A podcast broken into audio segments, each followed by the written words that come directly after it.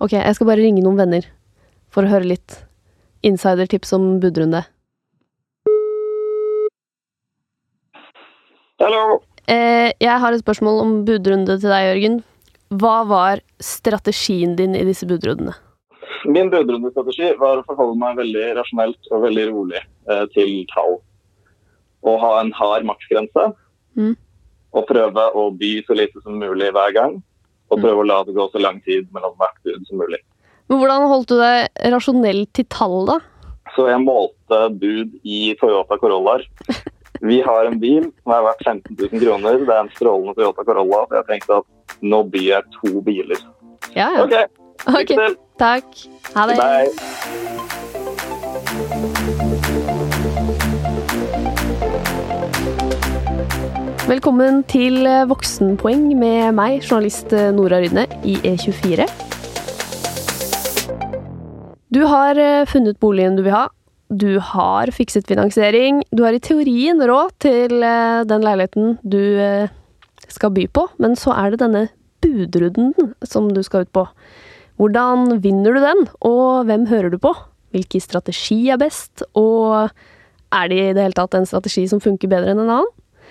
Til å svare på alt jeg lurer på om budrunder, så har jeg fått med meg deg, eiendomsmegler Lillian Nerlinger i Privatmegleren. Velkommen. Takk. Jeg har jo hørt at du til og med holder kurs for deres meglere i budrunde, så du skulle jo være ganske bra rusta, vil jeg si. Ja, håper det. Jeg tenker vi begynner enkelt, i hvert fall for deg da, Lillian. Eh, Ikke så enkelt for oss som ikke har vært i en budrunde før. Eh, Hva skjer når du har vært på visning og det skal bys? Det som er viktig å vite, er jo hvordan man legger inn bud. Alle bud som kommer inn, må stå til minimum klokken tolv dagen etter siste visning. Ja, og det må være siste visning òg, ja. Ja, så hvis har du hatt visning på søndag, så må budet stå til minimum mandag klokken tolv. Ja. Men i teorien kan du bare slenge inn et bud når du går ut av den visningen. Ja, det er det noen som gjør. Kan legge inn bud med en gang, men budfristen må være til mandag klokken tolv. Ok, og hvor, øh, hvor gjør jeg det? De fleste gjør jo det på nettet. Man kan gå inn på, eh, gjerne på Finn-annonsen og trykke på gi bud. Ja. Eh, Vi meglere er jo flinke til å sende ut eh, link til trygg budgivning og budlink. Så det kommer jo ofte på SMS og mail. Og da må man jo identifisere seg med bank-ID. Ok. Mm. Ja, så, og da, det er litt sånn brukervennlig, det skjønner jeg. Ja, den er kjempe eh, Den er veldig enkel. Ok, og så, for jeg har liksom hatt inntrykk av at ting starter klokka ni, men det er kanskje feil? Det, jeg vet jo aldri når folk er klare til å legge inn bud, og der er det jo også veldig mange ulike strategier. Eh, Noen legger jo inn bud med en gang, for de har bestemt seg, og andre trenger kanskje litt mer tid, vente på å få finansieringen bekreftet, kanskje diskutere med litt foreldre. Og da eh, kan det jo godt være, og noen er nok litt usikre og vil føle litt på temperaturen, og da kan det være at mange blir litt avventende. Så der, eh, men vi ser jo erfaringsmessig at spesielt i ditt lavere prissegment, altså i, eller førstegangskjøpere, de, der skjer det veldig mye mellom 11 og 12. Ja, nettopp. Ja, fordi det er det jeg har følelsen på, at det er, sånn, det, er det som er riktig budgivningstid. Da er jeg på eh, standard eh, budgiving. Ok, men når du er i gang, da, når det, eh, noen, eh, når det er flere interessenter som byr mot hverandre, hva skjer da når jeg skal by imot noen andre? Hva er reglene da? Det er anbefalt budfrist, det er 30 minutter. Og det er jo eh, greit å merke seg, fordi at vi vil jo at det skal være en forsvarlig budrunde. Vi meglere vil jo informere alle interessentene. Og så må vi jo informere selger og gi litt sånn oppdateringer der. Og så i tillegg så sjekker vi finansiering. Så da går 30 minutter veldig fort. Ja, men du må ikke. Det er ikke noe lov. Strengt tatt så må du ikke, men vi meglere er veldig tydelige på å si at det er 30 minutter som gjelder. Ja, ok, så i teorien kan jeg legge inn eh, fem minutter, men, men jeg får faktisk ikke lov. Så det er sånn, det er ikke en lov, men det er en lov. Ja, kan godt si det sånn, på Ja, en måte. Men det er sånn, ja. Kommer ikke over Eller jeg burde kanskje til og med stusse hvis jeg får en megler som sier ja, ja, fem minutter, det er greit. Nei, men det kan godt være at eh, meglerne er avventende fordi at, at de aksepterer det fordi man er på et, for eksempel et veldig lavt nivå, da. Ja. At man ikke stresser frister da. Men eh, når jeg er klar til å by, da, og så har jeg skjønt alle reglene og funnet denne siden, eh, hva, hva er det jeg må sette meg inn i, eller hva må jeg huske før jeg begynner å by? Det er jo greit å lese gjennom prospektet nøye. Mm. Vi meglere skriver jo ofte under punkt diverse særskilte ting at det kanskje hvis det er noen planer i sameie eller kommer noen økte kostnader, så man har eh, kontroll på hele, hele kostnadsbildet. Og så bør man jo ha ordnet finansiering. Ja. Men det Ja, det har vel alle? Ja, de fleste har det på plass, eh, men det kan jo være at man plutselig eh, finner drømmeboligen, og så har man ikke rukket å snakke med banken, men nå er det jo veldig mange banker som er døgnåpent. Så da har du vært på visning en søndag, så er det jo bare å hive seg rundt og ringe banken og se om man må finne og sende inn en lånesøknad. Og ja. veldig ofte så er mange banker veldig på ballen, så de får ganske kjapt svar. Ja, det er bra. Ja, for du, det er rett og slett bare for at du skal vite hvor mye du egentlig kan by. Ja. For det er jo litt sånn forskjellige ting med, som du nevner, kostnader og sånn og sånn, som kan være fint å Absolutt. Og så er det jo at eh, når man er i en budprosess, og vi får bekreftet finansiering, så, og det en, hvis man er i budrunde da, og har en som har bekreftet finansiering, og den andre f.eks. ikke har det, så vil jo selgeren foretrekke å selge til den som har finansieringen på plass. Ja, ja nettopp. Så da, eh, rett og slett for å stå eh, sterkest mulig i den budrunden, så må du ha det. Absolutt. Det er greit å vite. Men hvis jeg lurer på noe, da, eller hvis jeg skal by, og det er min første budrunde, eller jeg er førstegangskjøper da, og har tapt 100 budrunder, og lurer på noe, hva, kvelden før, er jeg for sent ute da? Nei, absolutt ikke. Det som er viktig, er jo at du har lest gjennom prospekt og sånn. Ehm, Jeg, min, jeg har rutine som at jeg ofte sender en mail ut til interessentene etter visning og forteller de at jeg er tilgjengelig til ti på kvelden. Det gjør jeg litt fordi at jeg syns det er viktig at folk har muligheten til å stille spørsmål. Fordi at når vi kommer til dagen etter, og hvis det er en litt attraktiv bolig, så ser vi at det, ting det raser fort, ja, det går litt fort hvis det blir en litt uh, heftig budrunde. Og derfor har jeg lagt meg til vane at uh, jeg er tilgjengelig på kvelden dagen før, sånn at folk kan stille de spørsmålene som eksempel er det mange interesserte, eller om det er noe konkret om boligen, eller, eller om man da ja. Ja. for hva er det vanligste folk lurer på kvelden før? Er det mange nervøse som ringer deg da?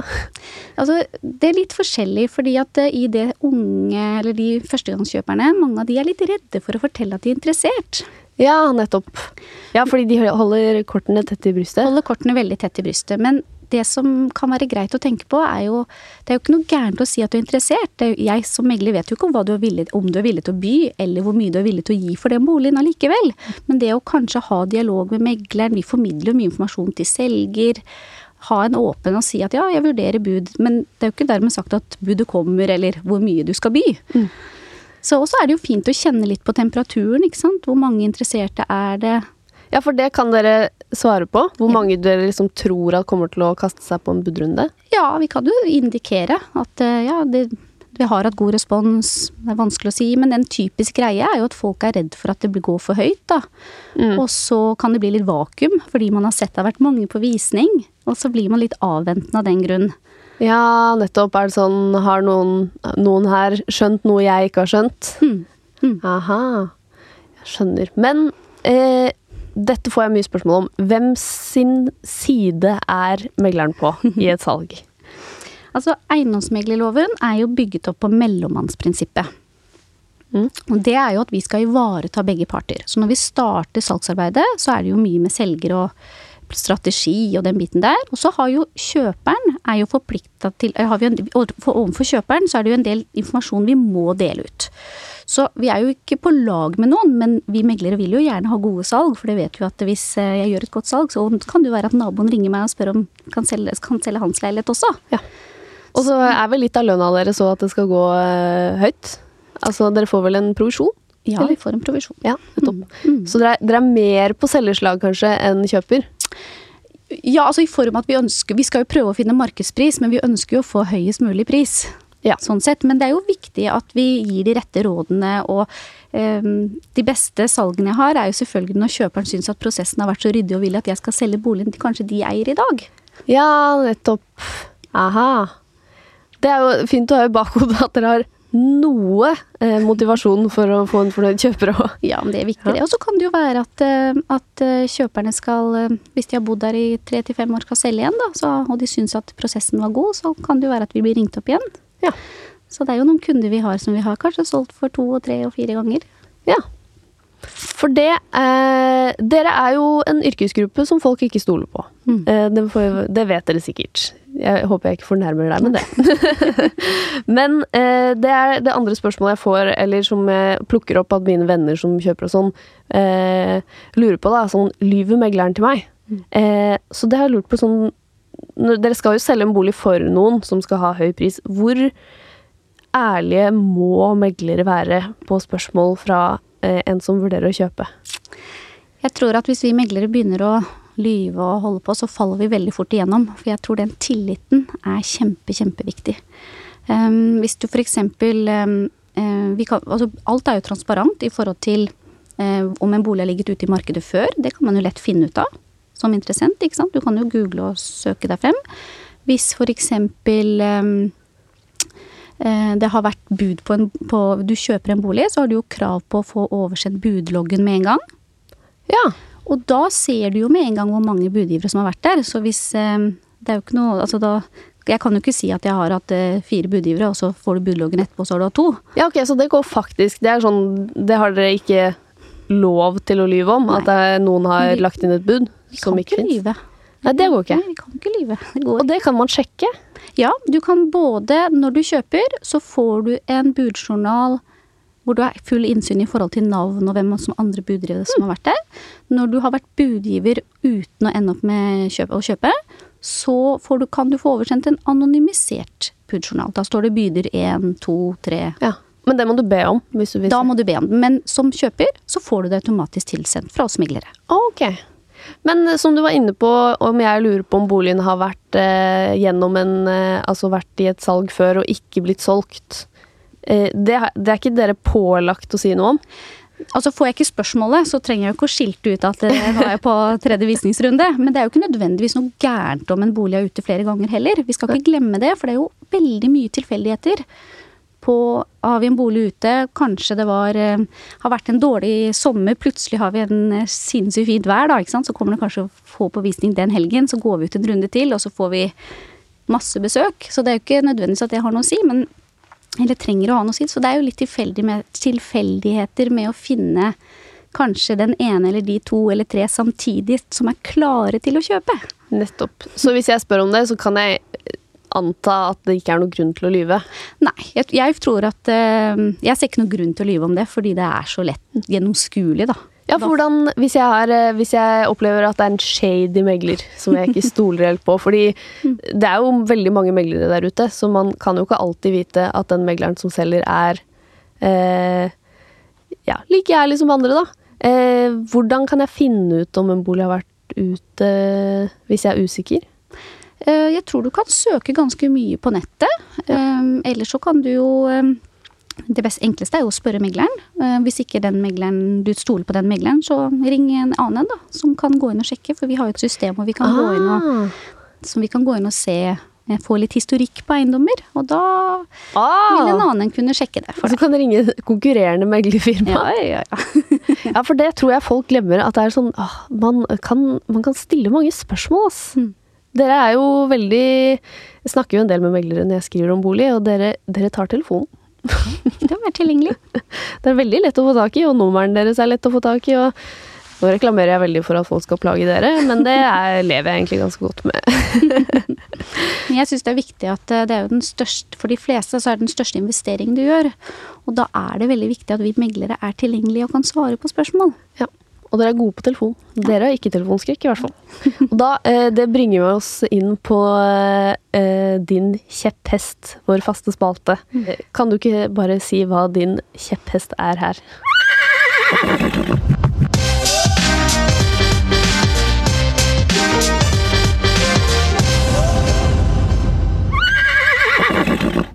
Ta telefonen. Du får sinnssykt mye informasjon fra en megler. Fortelle hvor mange som er kanskje interessert, eller om det ikke er noe interesse. Kanskje du kan gå i direkte forhandling med selger. Tør heller å altså, ta telefonen. Og det kan godt være spørsmål som kan være viktig å avklare, er jo overtagelse. Kanskje det, kanskje det altså, Er det spesielt viktig informasjon, så sender vi jo SMS til interessentene. Men det er noe med at man som interessent kjenner litt på tempen også. Ja, for når du får Jeg vet jo at det er mange kanskje spesielt i min generasjon, eh, sånn, eh, og det, er jo gjerne førstegangskjøpere, som ikke liker å snakke i telefon, men som sender SMS. Hva, er det ikke like greit å kommunisere på SMS, da? Jo, det er helt greit å kommunisere på SMS, men når det, når det ringer Mange ringer jo også, og når du da Det er budvarsler på SMS, og så kommer det da telefoner inn, og så ramler det inn masse SMS-er, så bruker du veldig mye tid på å svare. Og da hender det noen ganger at jeg er redd for at jeg ikke rekker å svare på alle SMS-ene. Da er det lettere å kanskje ta en kjapp telefon. Ja, Så du havner liksom litt først i informasjonskøen hvis du svarer på telefonen? Ja. Det kan være greit å vite. Men, men hvorfor er folk så redd for å ta telefonen når dere ringer, da? Jeg, jeg vet jo at jeg har mange venner som blir sånn Og han ringer den megleren igjen og maser og skal sikkert eh, eh, lure meg eller et eller annet. Eh, og så har jeg jo ikke skjønt det helt, for jeg har jo ikke vært i budrunde. Så hva er det dere vil når dere ringer? Nei, vi vil jo sjekke interesse. eh, og høre om eh, Ja, om de kommer med bud. Kan jo være at en, en interessent uh, f.eks. ikke har finansiering på plass. Vi er jo, Privatmegleren er jo eid av Nordea. Da kan vi jo kanskje bistå med det, sånn at man får finansene på plass. ikke sant? Så får vi lodde litt. Det er viktig også for oss meglere å vite at eh, la oss si vi ikke får bud, da. Det skjer jo. Så er det jo viktig å vite hvorfor vi ikke får bud på eiendommen. Hva er det folk, hva er tilbakemeldingene på leiligheten? Er det Ja. fordi at alle syns at soverom nummer to er for lite, eller er det for lite lys, eller Ikke sant? Og det er en viktig informasjon for oss å formidle videre til selger. Ja, jeg skjønner. Ok. Så ta telefonen. Ta telefonen. Din kjepphest. Ja.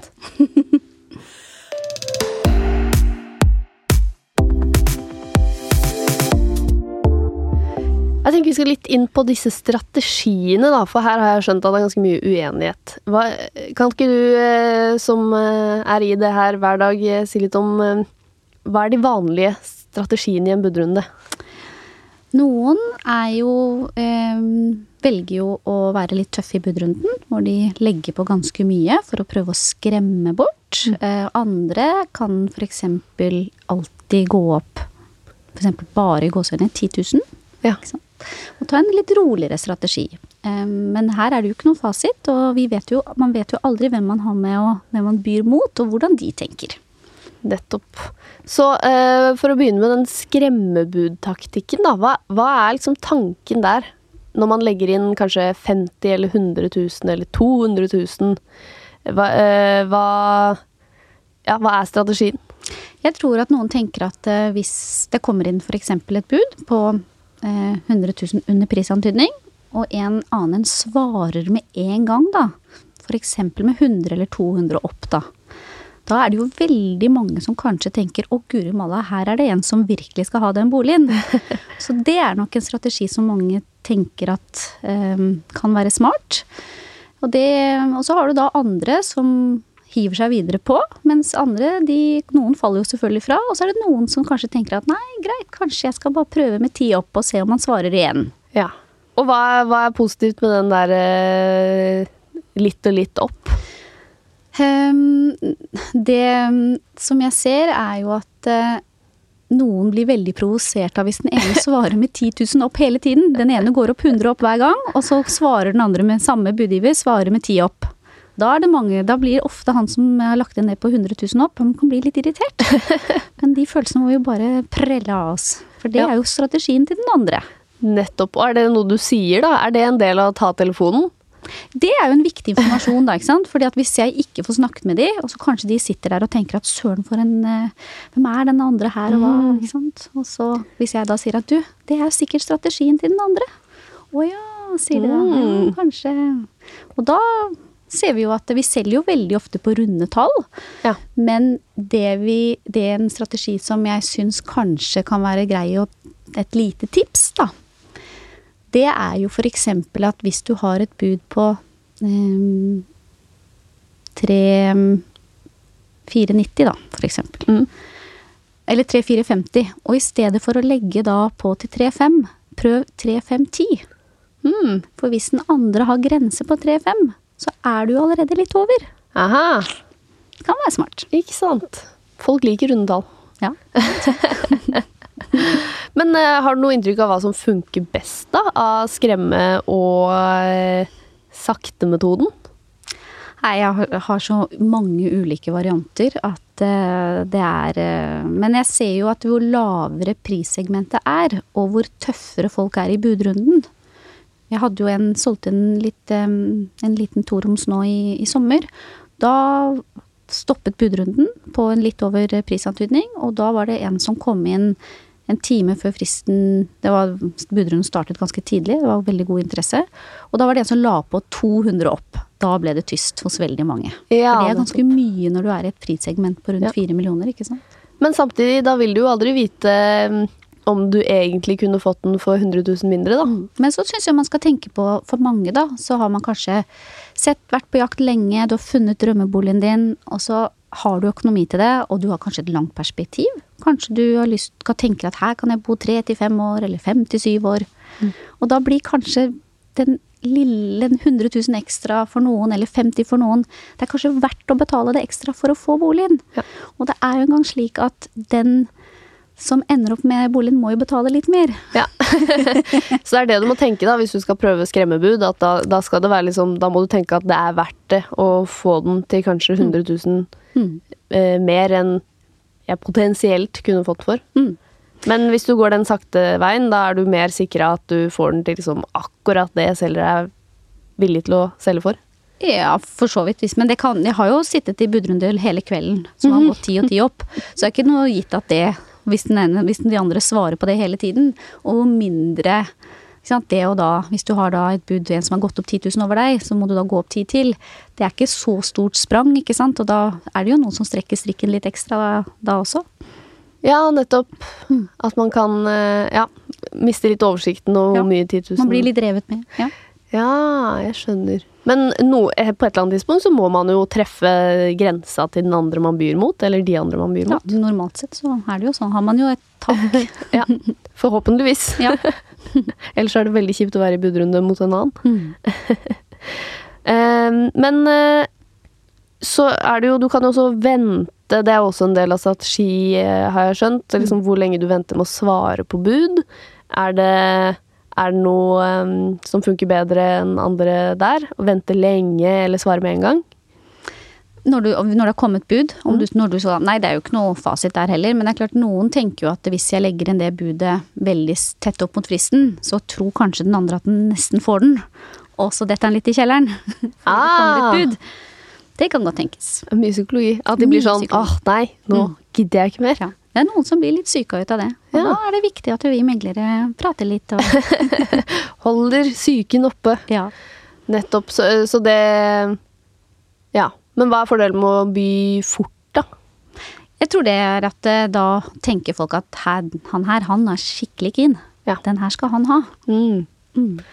Nettopp. Så det må du se an, da. Ja. Men er det sånn som det er smart å spørre dere om, eller vil man på en måte ikke Er det vanskelig for dere å svare ærlig på, da? det er jo synsing fra vår side, for det er jo veldig få budgivere som sier at eh, den her skal jeg ha uansett, eller jeg har Mhm. mulighet til å kjøpe denne for langt over. Det er jo de fleste holder ut sånne ting tett i brystet sitt og sier Ja. ikke det. Det burde de kanskje ikke si heller, eller? Ja, jeg syns i utgangspunktet er kanskje ikke greit å holde det Ja.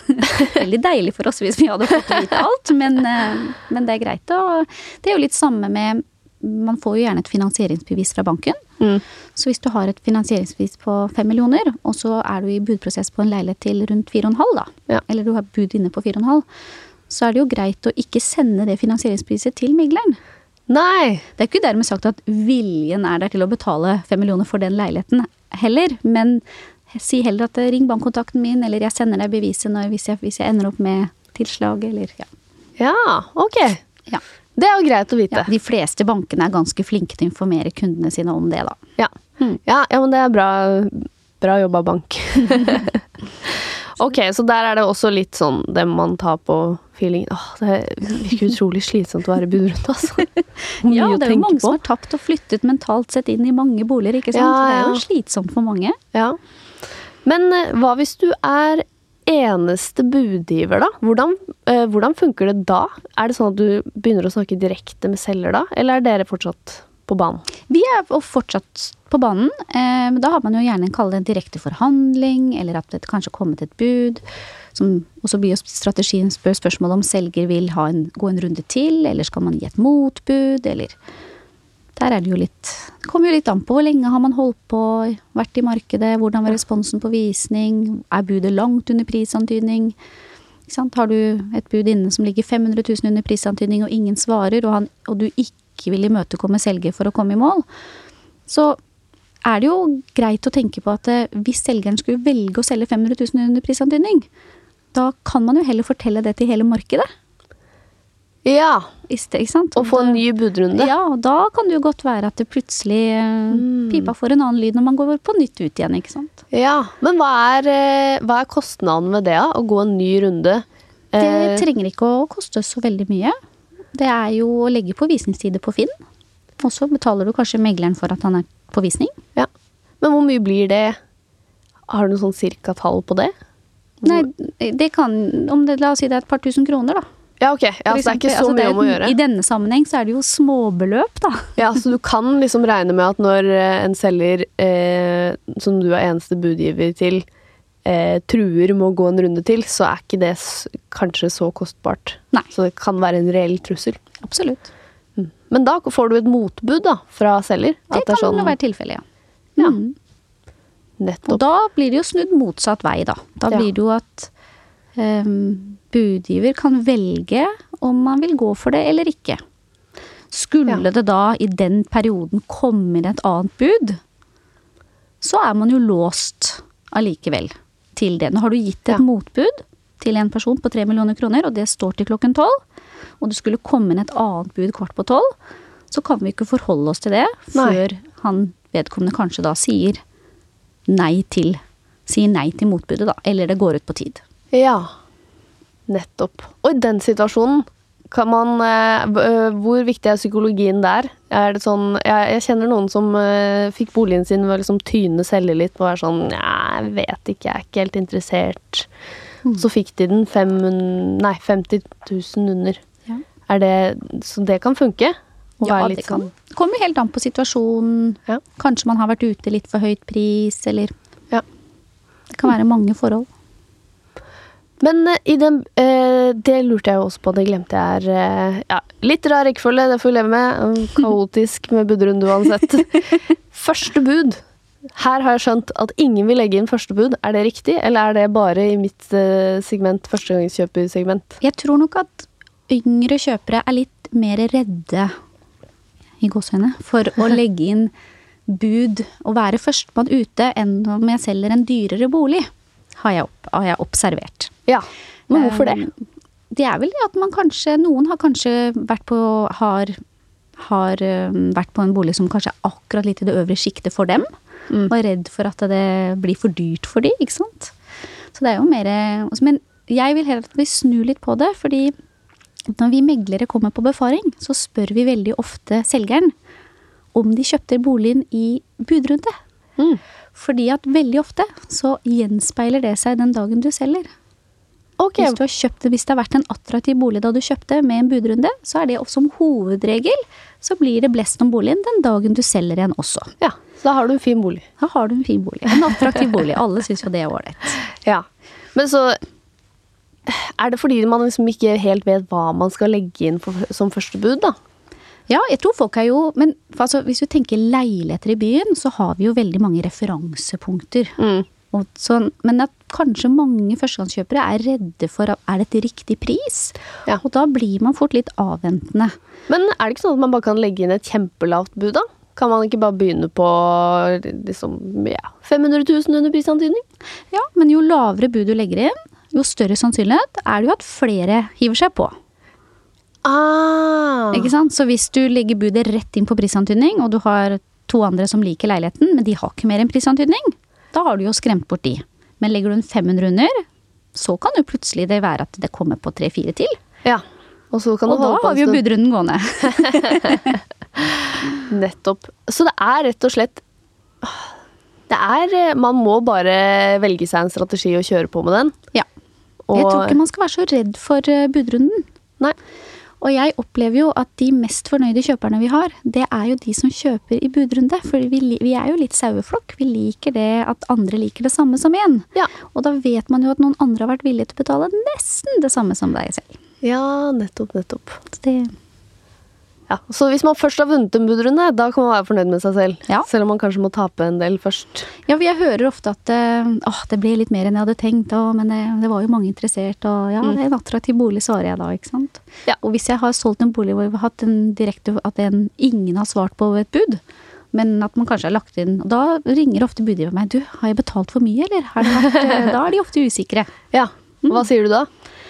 Nei, da har vi jo eh, Kommer jo litt an på situasjonen, da. Men, eh, Prøve å berolige dem. ja, men hvis de har kjøpt i prisantydning, så har jo det vært det nivået som selger er villig til å selge på. Så vi har jo en selger med i lag her, Ja. vi må ikke glemme helt det heller. Nei. Fordi selgerne er jo ikke nødvendigvis at alle vil selge til enhver pris.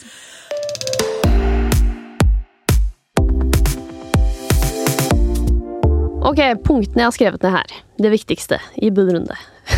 Først, fiks finansieringen din, så du vet hva du faktisk kan by. Eh, den er jo kanskje selvsagt, men eh, ja, ha det på plass. Bestem deg for en strategi før du går inn i budrunden. Eh, og hvis du er villig til å få den drømmeboligen da, for litt mer enn du kanskje måtte ha betalt, så kan det jo være verdt å skremme folk unna med et skikkelig tøft bud. Men går det opp litt og litt, så kan du også være sikrere på at du ikke betaler mer enn du må. Samtidig kan jo da budrunden vare lenge, og kanskje folk strekker strikken litt mer enn de ellers ville gjort. Men eh, du kan også irritere folk med de små budene dine, så det er jo fint. Ikke avslør hva grensen din er for megler. Den var ny for meg. Ehm, Men eh, når selv megler innrømmer at du ikke bør gjøre det, så tenker jeg ikke gjør det.